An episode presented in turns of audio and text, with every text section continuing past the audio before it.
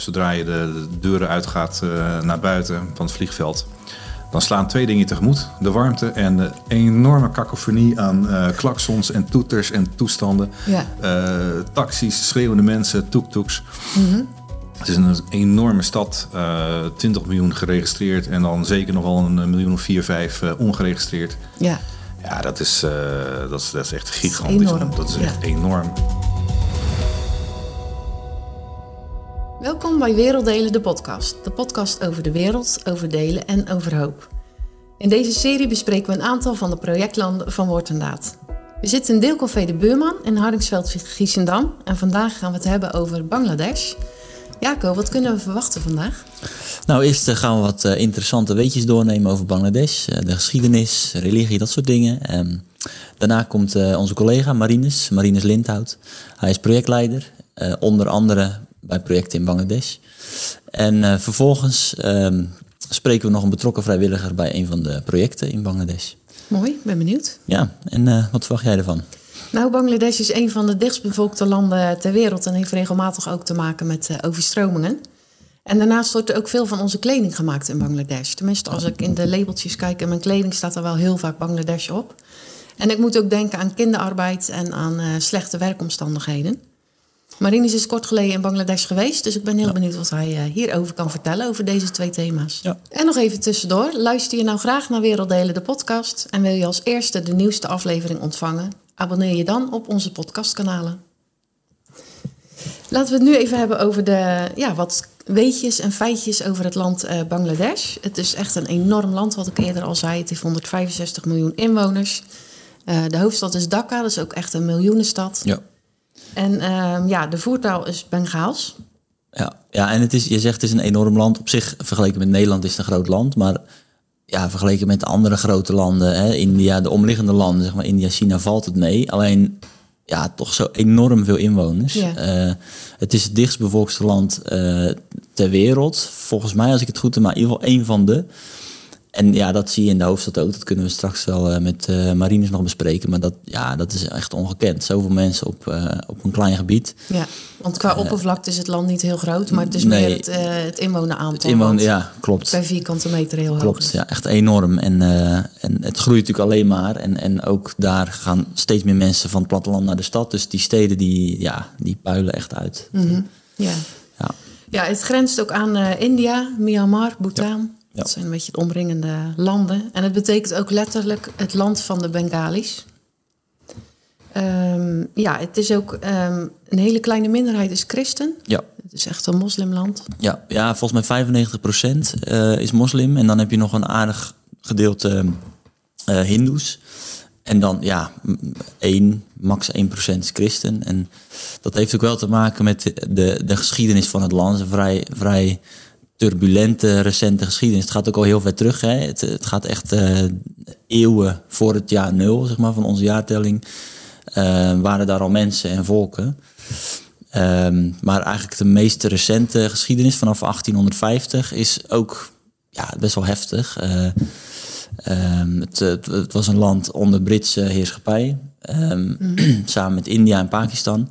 En op een gegeven moment, ergens halverwege de vorige eeuw, heeft toen, toen Engeland zich terugtrok, is er gewoon gezegd: oké, okay, India is een uh, Hindoeland en Pakistan is een moslimland. En Pakistan was dus het huidige Pakistan, mm -hmm. West-Pakistan. En uh, Bangladesh was dan Oost-Pakistan, dat was één land. Dus het hoorde India en Bangladesh hoorden bij Pakistan, als ik het goed begrijp. Uh, ja, Bangladesh. Dus India was een ja. los land en ja. Bangladesh en Pakistan hoorden bij elkaar, dat was één land. Ja. En dat was een ja, zeg maar soort bestempeld als moslimland en Mhm. mm -hmm. India een hindoeland. En ja, dat is heel raar. Eén land met een land ertussen, een Ja. enorm land ertussen. Nou, dat re- resulteerde ook weer in oorlogen en eh, heel ingewikkeld. En in het jaar 1971 is Bangladesh onafhankelijk geworden. Oké, Nou, onafhankelijk daarna- van Pakistan. Onafhankelijk, ja, van Ja. Pakistan. Eh, maar daar komt dus vandaan, vanuit van die scheiding zeg maar, tussen India en eh, Bangladesh, Pakistan, dat het nu een moslimland is.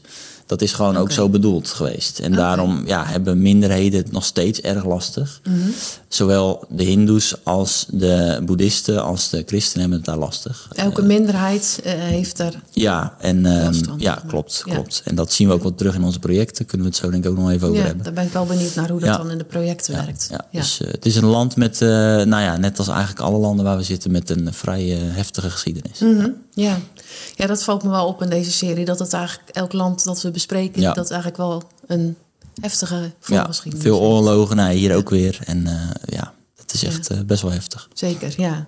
Ehm, er is ook een nationaal gerecht, zoals elk land eh, dat heeft. En dat heet eh Hilsa of Ilish. Dat, ik weet niet of ik het goed uitspreek, maar het is in ieder geval een zoutwatervis... die in veel gerechten, waaronder een curry, wordt verwerkt. Ja, Misschien heeft Marines het wel op, dus dat zullen we zo we wel horen. vragen.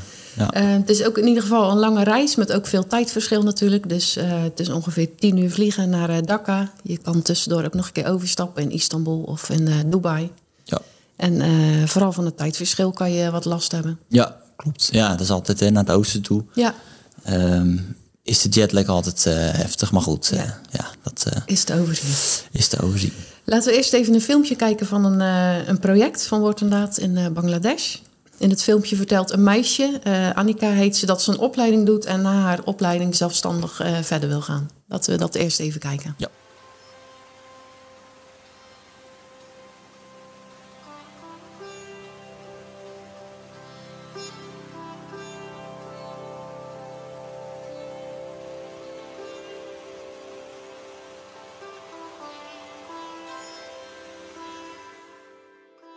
Ik ben Annika Akhter. Ik ben 19 jaar.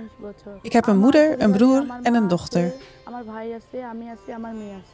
Ik doe dit werk sinds 1 maart 2022.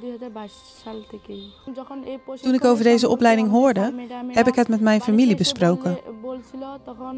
En heb ik besloten om mee te doen. Het gaat goed.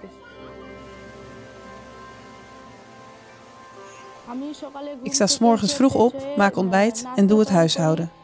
Nadat ik mijn dochter heb gevoed, ga ik naar mijn werk.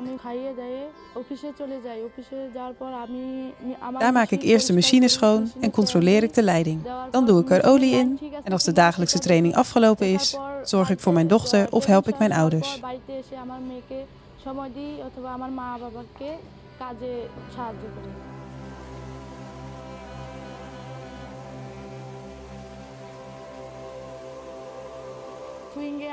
Ik kan jute touwen weven en ik naai manden en vloermatten. Hiervoor was ik werkloos. Na deze opleiding ben ik in staat om voor mezelf te zorgen. Mijn leven is veranderd.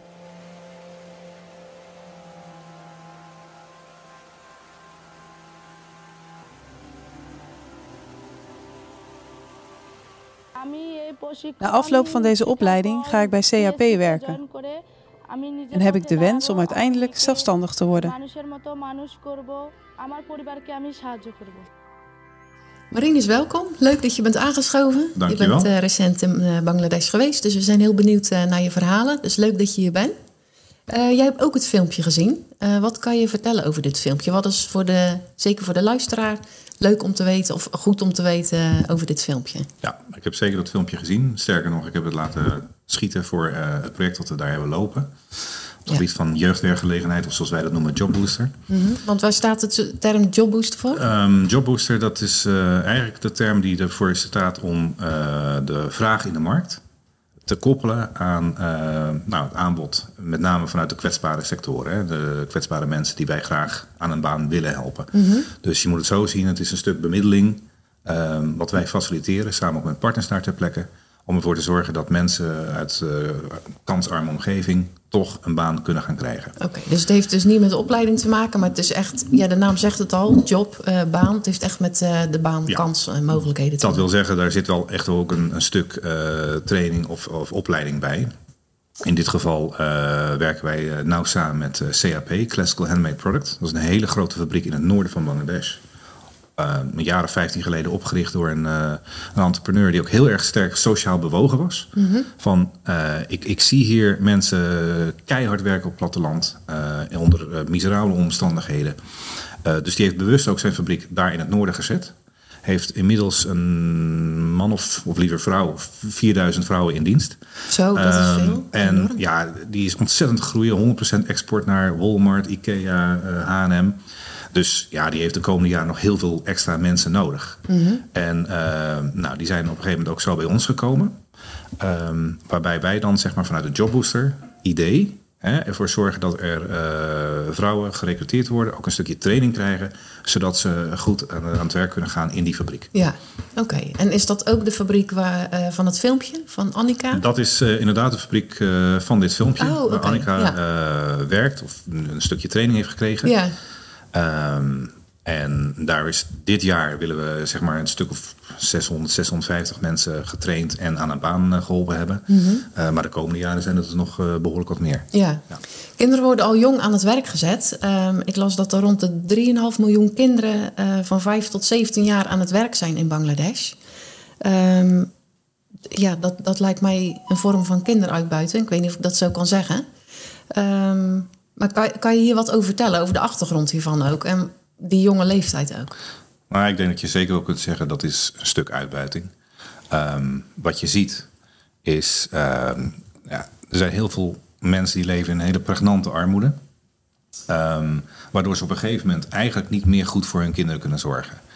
Wat doen ze dan? Eh, nou, is er hè, werk? Dat kan misschien bij familie in de stad zijn of wat dan ook. Maar eh, wat je dus wel ziet is dat kinderen heel vroeg gaan werken. Eh, wat je ook ziet is heel veel eh tienerhuwelijken. Zoals bijvoorbeeld zo'n eh, zo'n vrouwtje of meisje eigenlijk nog als Annika. Nou, later misschien 18, 19 zijn. ja, Ehm, nou, dat, je ziet heel veel mensen ook eh, van haar leeftijd die ik heb geïnterviewd... die eh, al getrouwd zijn, die hebben een, eh, een kind. ja. Dat zegt ze ook op het filmpje. ik. Precies, Ja. precies. Dus, dus heel veel die, die, die tienerhuwelijken komen met name ook uit, voort uit het feit... dat ook de ouders ontzettend arm zijn... en eigenlijk gewoon niet meer voor hun kinderen goed kunnen zorgen. Maar is er geen ehm, eh, recht op onderwijs of, of leerplicht? Eh, is dat er niet dan? Is dat er niet. Ik, ik, dat wil ik iets van vandaan blijven. Dat weet ik niet helemaal exact. Ehm, maar wat je wel ziet is dat er eh, ook vaak helemaal geen geld is. Nee. Hè, en wat je dan ook ziet, zoals, zoals een Annika. Nou, je ziet de hoop op een gegeven moment aan het eind van het filmpje haar ogen gloren. Ja, Hè, met het feit dat zij extra inkomen kan, eh, kan verdienen. Heeft ze dus ook de mogelijkheid om haar kind, als dat dan een jaar of drie, vier is, eh, ook naar school kan.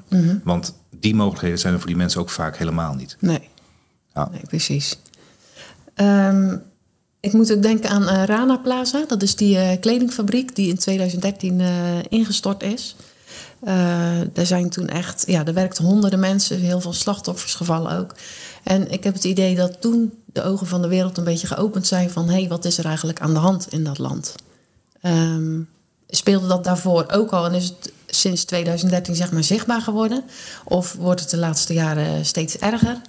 Wat, eh, ja, kan je daar iets over vertellen? Ja, ik denk dat, dat het zeker eh, voor die tijd ook al gespeeld heeft. Maar dat nu een keer het zo goed fout gegaan is. ehm, dat de wereld echt gekeken heeft van... hé, hey, wat, wat gebeurt er nou? Wat zijn die arbeidsomstandigheden? Eh, hoeveel mensen zitten er wel niet op een kluitje te werken... voor eigenlijk weinig geld? Sinds dat hij ingestort is, 2000, eh, is er in 2018 een nieuwe minimumloonstandaard gekomen.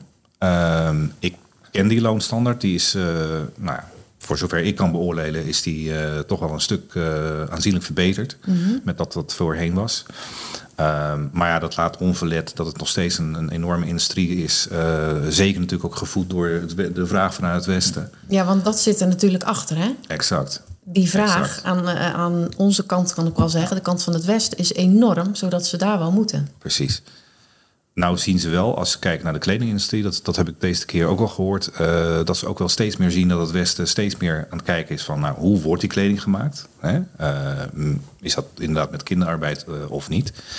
Eh, maar zeer zeker ook van de inzet op duurzaamheid. Dus wat gaat dat doen met onze kledingindustrie? Gaan we niet eh, qua vraag een heel stuk naar beneden en gaat ons land er heel anders uitzien, onze industrie? Ja, Omdat ook in het Westen eh, steeds meer vraag is naar kleding die gerecycled is. ja.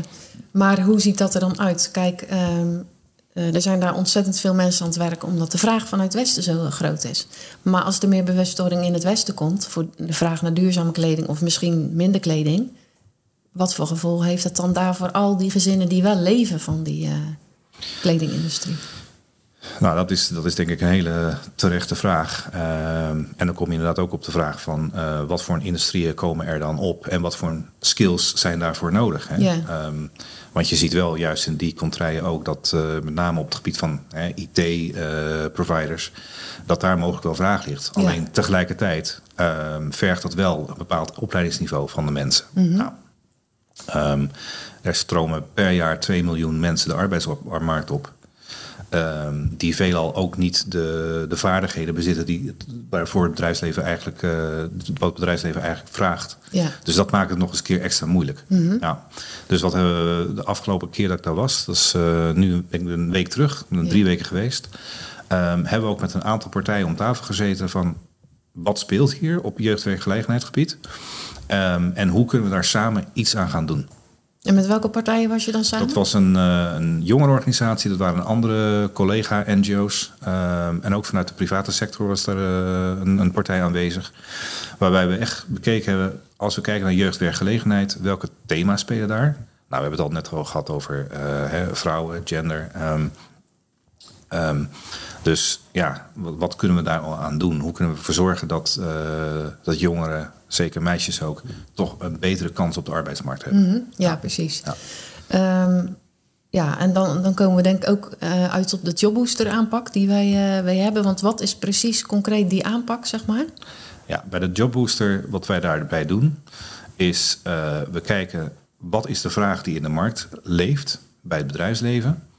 Ehm, en sluit het aanbod daarop aan. Of kunnen wij daar een rol in spelen? Ehm, dan gaat het natuurlijk in de eerste plaats om dat we zorgen dat er mensen uit kansarme omgeving eh, wel een baan kunnen gaan krijgen. Eh, tegelijkertijd heeft het dan ehm, moeten we kijken van wat voor een opleiding hebben die. En het gaat over technische vaardigheden, maar het gaat zeer zeker ook over eh, nou, wat wij dan noemen de soft skills. En wat zijn Nee, voorbeelden dat zijn soft soft skills. skills? Dat communiceren, eh, feedback, omgaan met feedback, maar ook feedback leveren. Ja, Ehm, waar, en ja, we hebben het er al over gehad, eh, het is een enorm moslimland. Maar hoe kunnen we toch die bepaalde bijbelse waarden ehm, eigenlijk verweven in het soft skills programma? ja ik denk dat je... En dat is juist ja. een, een hele mooie mogelijkheid om in een omgeving die zeg maar 95, 96% moslim is, om toch iets van de bijbelse waarden in door te laten gloeien. Juist via die soft skills. Juist via soft skills, Ja. correct. Ja. Ja. Want Jaco, weet jij hoe dat zit in het onderwijsprogramma, hoe dat eh, vorm krijgt? Ja, we, we hebben inderdaad ook naast Jobbooster nog een, een beperkt, eh, qua grootte beperkt onderwijsprogramma. Eh, vroeger was dat groter, maar nu eh, zijn we dat eh, langzaam aan het afbouwen in Bangladesh. Ehm, we bieden daar christelijk onderwijs door middel van onze partner, eh, een christelijke partnerorganisatie. Ehm, maar we hebben daar best wel vaak gesprekken ook gehad met die partner. Van ja, hoe ver kunnen we gaan? En dat zal je ook wel herkennen, Marines. Van ja, als we, eh, eh, het zou heel makkelijk zijn als we alleen maar christenen in het programma hebben. Want ja, dan mag je daar toch, dan mag je christelijk onderwijs geven, Bijbel lezen, zingen, eh, over, over, over eh, God en over Jezus vertellen. Maar dat mag dus niet als je moslims in je programma hebt. En onze, ons eerste uitgangspunt als woordendaad is... wij discrimineren niet, ook niet op religie. Dus wij gaan niet kiezen van... hé, hey, je bent een christen, dus jij mag wel en een moslim niet. Nee. Dus daar moeten we best wel in zoeken. Ja. Ehm, en we hebben echt een keer voor de keuze gestaan van... ja, gaan we dan toch kiezen voor alleen christenen? Omdat wij ja, toch dat christelijke onderwijs willen. Maar dat, ja, dat is echt een keuze die we eigenlijk dus niet willen maken. Nee. Want dan ga je inleveren op het feit dat, je, dat mensen niet meer welkom zijn... omdat ze geen christen zijn. En dat wil je niet. En dat wil je niet. Nee. Ehm, dus ja, dat is best een hele lastige in, eh, in Bangladesh. En ehm, nou, gelukkig werken we met organisaties, in ieder geval in het onderwijsprogramma, die echt ehm, ja, geworteld zijn in, in, in het christelijk geloof, in de Bijbel. En dat is al, dat is al heel belangrijk. Maar dan nog loop je dus tegen zulke soort uitdagingen aan. Ja, precies. En onze partners moeten ook echt ja, voorzichtig zijn in die zin. Ze kunnen ook niet zomaar alles doen, want ze liggen best wel onder een vergrootglas van de overheid. Van hey, christelijke organisatie, zijn die niet aan het evangeliseren? Nou, al dat soort vragen. Ja, daar kunnen best de schijnwerpers op eh, gericht Ja, zijn. ja. dus eh, die moeten echt met verstand, eh, met wijsheid opereren in Bangladesh. Ja, ja. Maar mooi hoe ze dat doen en hoe ze daar toch ja klopt. manieren in vinden, Ja, inderdaad. Ja. Maar die, die kledingindustrie en uh, de vele kinderen, jongeren die daar ook in het aan het werk in zijn, uh, dat heeft denk ik ook te maken met het armoedeprobleem. Um, dit gaat denk ik over de stad, maar op het platteland is ongetwijfeld ook uh, armoede zichtbaar. Jij bent zelf ook op het platteland geweest. Ja. Hoe ziet dat eruit? Wat, wat heb je gezien nou? Ja, het is, het is heel anders dan de stad. Uh, je komt daar aan in Dhaka en uh, zodra je de, de deuren uitgaat naar buiten van het vliegveld, dan slaan twee dingen tegemoet. De warmte en de enorme kakofonie aan klaksons en toeters en toestanden. Ja. taxis, schreeuwende mensen, toektoeks. Mm -hmm. Het is een enorme stad, 20 miljoen geregistreerd en dan zeker nog wel een miljoen of 4, 5 ongeregistreerd. Ja. Ja, dat is, uh, dat, is, dat is echt gigantisch. Dat is enorm. Dat is echt ja. enorm. Het is, het is ook wel komisch om daarin rond te, te rijden. Ja. Er is totaal geen orde. Um, maar dat is Dhaka. Enorm Ja. kleurrijk. Mhm. Um, maar we zijn ook inderdaad op het platteland, geweest. Um, richting het zuiden, uh, naar Kulna. Maar ook uh, richting het noorden, waar dat project met Jobbooster is. Ja. En dat is, dat is weer heel anders. Ja, overal zie je mensen. Het is natuurlijk een enorm dichtbevolkt land. Ja, en dat is op het platteland ook zo? Ja, weet je, um, je ziet daar uh, rijstpaddies afgewisseld met bananenplantages, uh, mais uh, en andere gewassen. Ja. En um, die akkertjes zijn eigenlijk opgedeeld in nou, kleine stukjes, die allemaal weer afgeschermd zijn met een klein aarde walletje van een centimeter of 20, 30. En dat is dan het stukje van uh, meneer A. En het stukje daarnaast is van mevrouw B. Ja. Zo moet je dat zien. Ja. Het zijn allemaal hele kleine akkertjes. En wat voor gewassen verbouwen ze? Uh, daar verbouwen ze pinda's, daar verbouwen ze bananen, mango's, uh, rijst. Ontzettend veel rijst. Oké. Maar het is wel een vruchtbare. Het is heel vruchtbaar, zeker.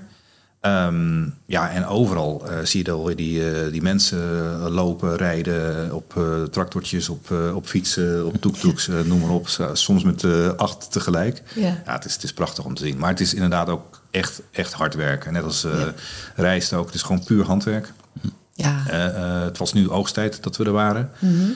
Um, dus je ziet dat ze die rijstbossen nou, met, met een kapmes zeg maar, afkappen bij de grond. Dus continu gebukt werken. Ja.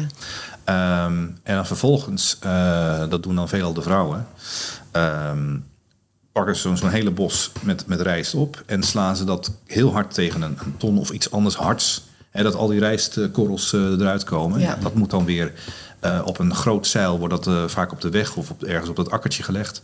Zodat het een, een nou wat zal het zijn, een, een week lang of zo moet drogen in de zon. Ja.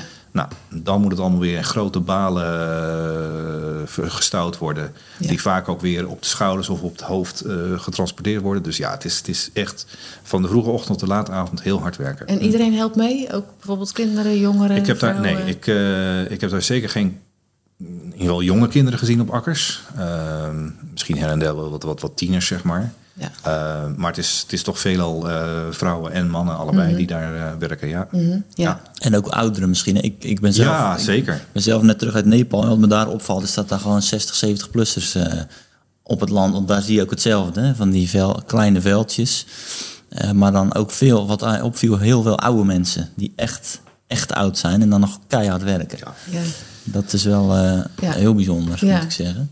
En wat ik ook wel interessant vind is... Ja, ik, ik ben dan dus net uh, in Nepal geweest, best wel vergelijkbaar, behalve dat Nepal niet aan de zee ligt. En ik denk dat daar ook juist een uh, flinke uitdaging voor Bangladesh ligt. Uh, Bangladesh is natuurlijk eigenlijk één grote delta met ontzettend veel water. Ja.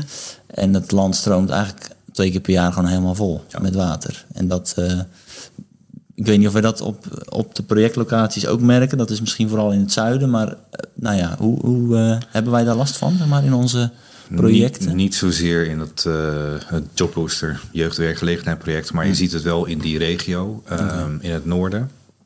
Uh, maar zeer zeker ook in het zuiden, ja. de, de, de, kustregio. Ja. Die heeft heel erg te maken met uh, overstromingen vanwege cyclonen. Ja. Dus natuurlijk recent is dat uh, weer aan de orde geweest.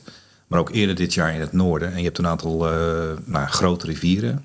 Eentje die komt vanuit China via Tibet, Bangladesh binnen en stroomt uiteindelijk in de, in de, in de baai daar in het zuiden uit. En ja, die, die rivier die wisselt steeds van, uh, van, van, van bedding, van koers. Mm-hmm. Um, en in die rivier heb je de zogenaamde chores.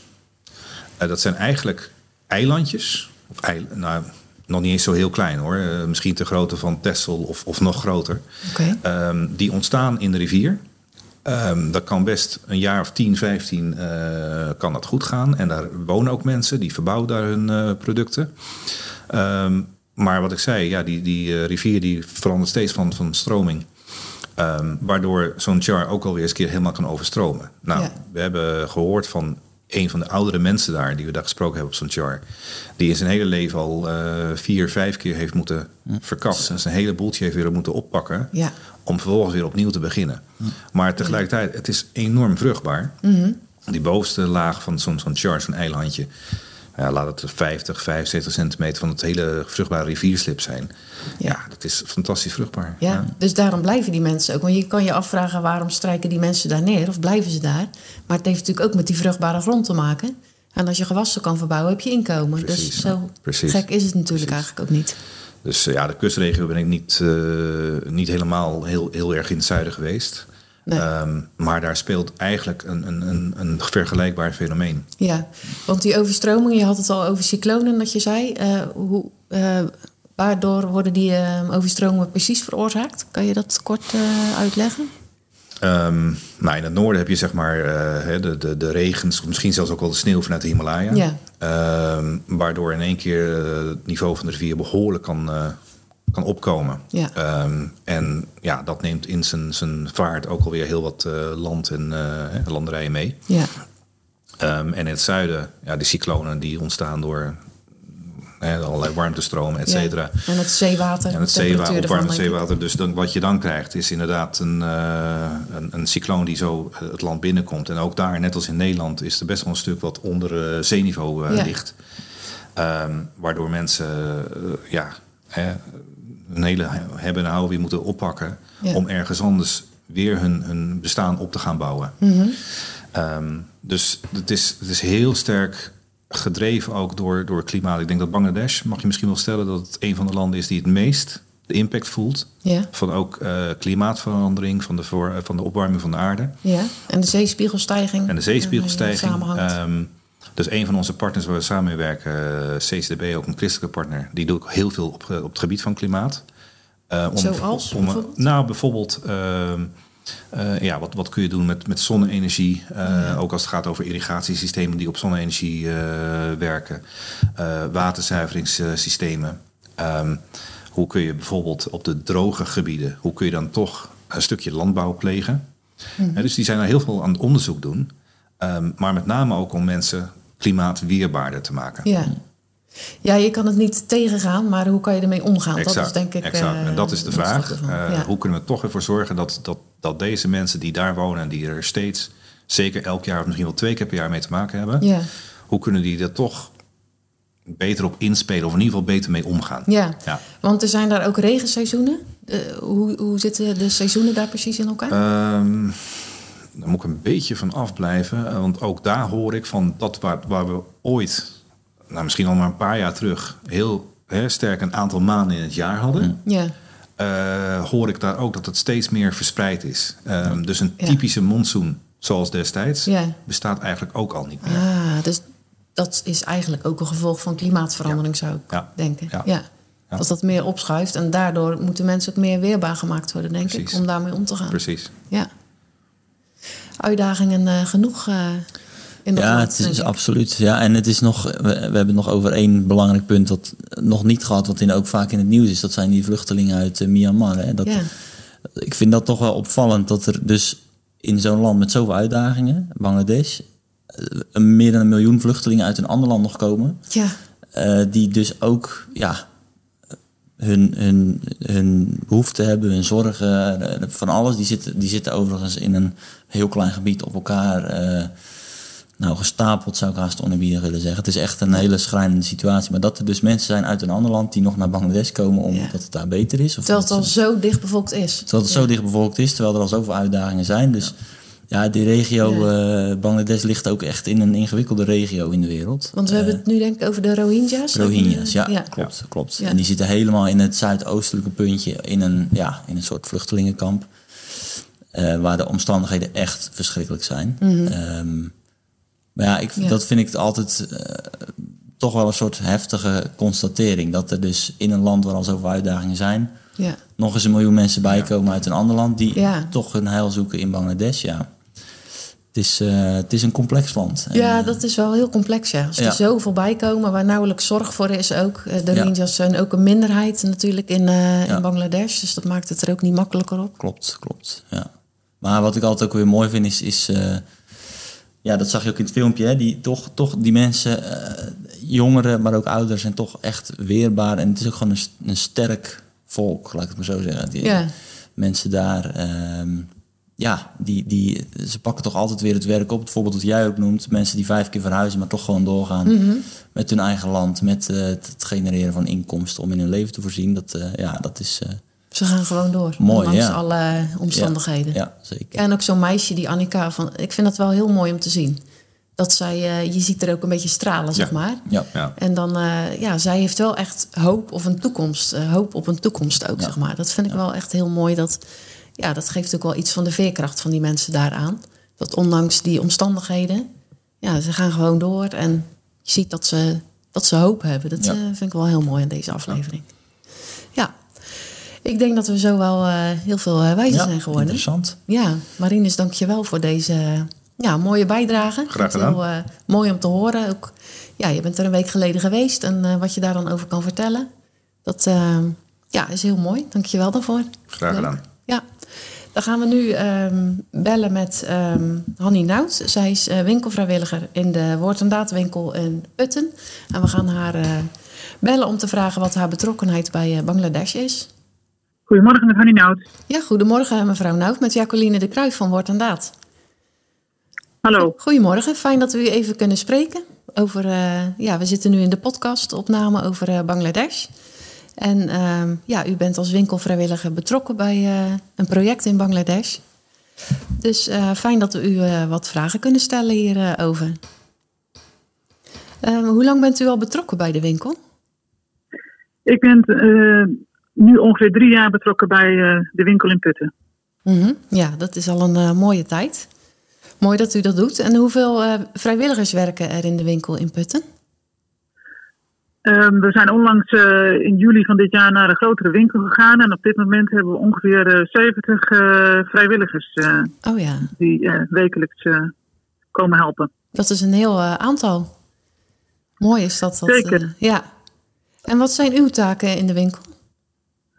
Ik doe meerdere dingen. Ik ben penningmeester en als zodanig maak ik ook deel uit van het bestuur. En daarnaast ehm, eh, ga ik bij eh, mensen langs om te kijken of de meubels die zij aanbieden, of dat voor onze winkel verkoopbaar is. Oh ja, En zo heel af en toe sta ik ook nog eh, een middag in de winkel. mooi. Dat is ook wel mooi, denk ik, om zelf ook in de winkel te staan. Om eh, echt contact te hebben met eh, de klanten die eh, langskomen. Zeker, dan heb je ook een beetje een idee waar mensen naar op zoek zijn. Ja, dat ook. Ja. En heeft u dan ook wel eens een gesprekje in de winkel eh, met klanten over bijvoorbeeld eh, het project waarvoor de winkel opbrengstbestemd is? Heel af en toe eh, eh, hebben we daar eh, inderdaad ook wel eens, want we hebben een groot spanbord hangen. Ehm, waarop staat dat het project voor Bangladesh is. Ja, En daar, ehm, nou, daar vragen mensen wel eens naar. Van, eh, ja, wat is het goede doel wat jullie steunen? ja. Mooi dat u daar dan eh, toch iets over eh, kwijt kan. Ook dat eh, de klanten weten waar, ze, waar hun geld naartoe gaat. Zeker, Ja, dat is een mooi project om te steunen. zeker. Ja. En ik, ik heb begrepen dat u recent ook nog in Bangladesh bent geweest. Kunt u daar iets over Ja. vertellen? Ja, ik heb zelf zeven jaar in Bangladesh gewoond. en daar in, het, in een ander project, ook niet bij het Woord en Daad project, maar bij een ander project eh, gewerkt. Ja. En wat voor project was dat? Dat was een project in een eh, ziekenhuis. Eh, het waren in het noordwesten van Bangladesh, waar veel arme mensen komen om hulp te krijgen. Ja. En ehm, daar deed dus daarnaast het werk in het ziekenhuis ook werk in de dorpen in de omgeving om mensen ja, hulp te geven op medisch gebied. Eh, om ze meer te leren over hygiëne en, eh, en gezondheid. Ja, en was u dan zelf ook eh, verpleegkundige? Of wa- wat waren precies uw werkzaamheden?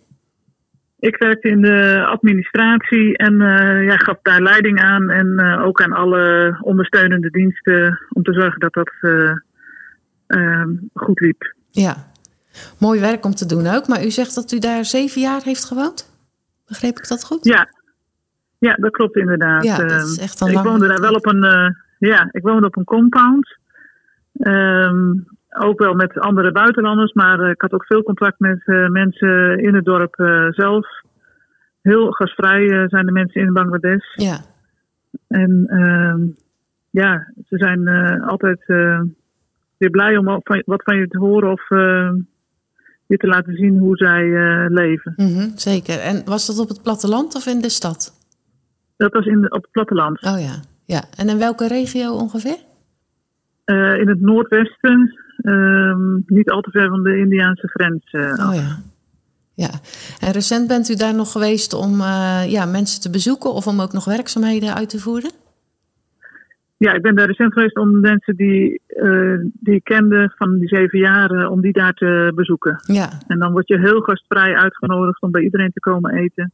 Ja, ja mooi is dat, hè? Dat, die gastvrijheid ja. van die mensen is wel ja, terwijl ze daar toch in armoede leven. En uh, ja, ze zijn ook zo gastvrij. Dat vind ik wel heel mooi om, om te horen ook dan. Zeker, dat, ze delen graag. je hoort mooie verhalen over hoe mensen ja, wat ze hebben toch delen met, met anderen. Mm -hmm, ja, mooi is dat. Ja, fijn dat we u eventjes kunnen spreken hierover. Het is, ja, ik vind het wel heel mooi dat u er ook echt bent geweest. Dat u ehm, ja, zeker in combinatie met het uh, vrijwilligerswerk wat u in de winkel doet, dat u ook in het land zelf bent geweest waar het project voor is. Ja, dat is inderdaad een mooie combinatie. Ja, uh, zeker. Ja. ja, ik wil u bedanken voor uw tijd. Dan gaan wij hier verder uh, met de aflevering. En ja, fijn dat u eventjes wat wilde vertellen over ook uw tijd in Bangladesh. Heel graag gedaan. Fijn, dank u wel. Tot ziens. Tot ziens, dag. Dag. Nou, was een mooie aflevering, uh, Jaco. We zijn weer uh, veel te weten gekomen. Ja, absoluut. Interessant land. Weer heel anders dan de andere landen die we tot nu toe hebben gehad. Ja. Uh, Aziatische context natuurlijk ook weer... Ja, toch, toch ook weer niet vergelijkbaar met Afrika of, of, of Latijns-Amerika. Dus nee.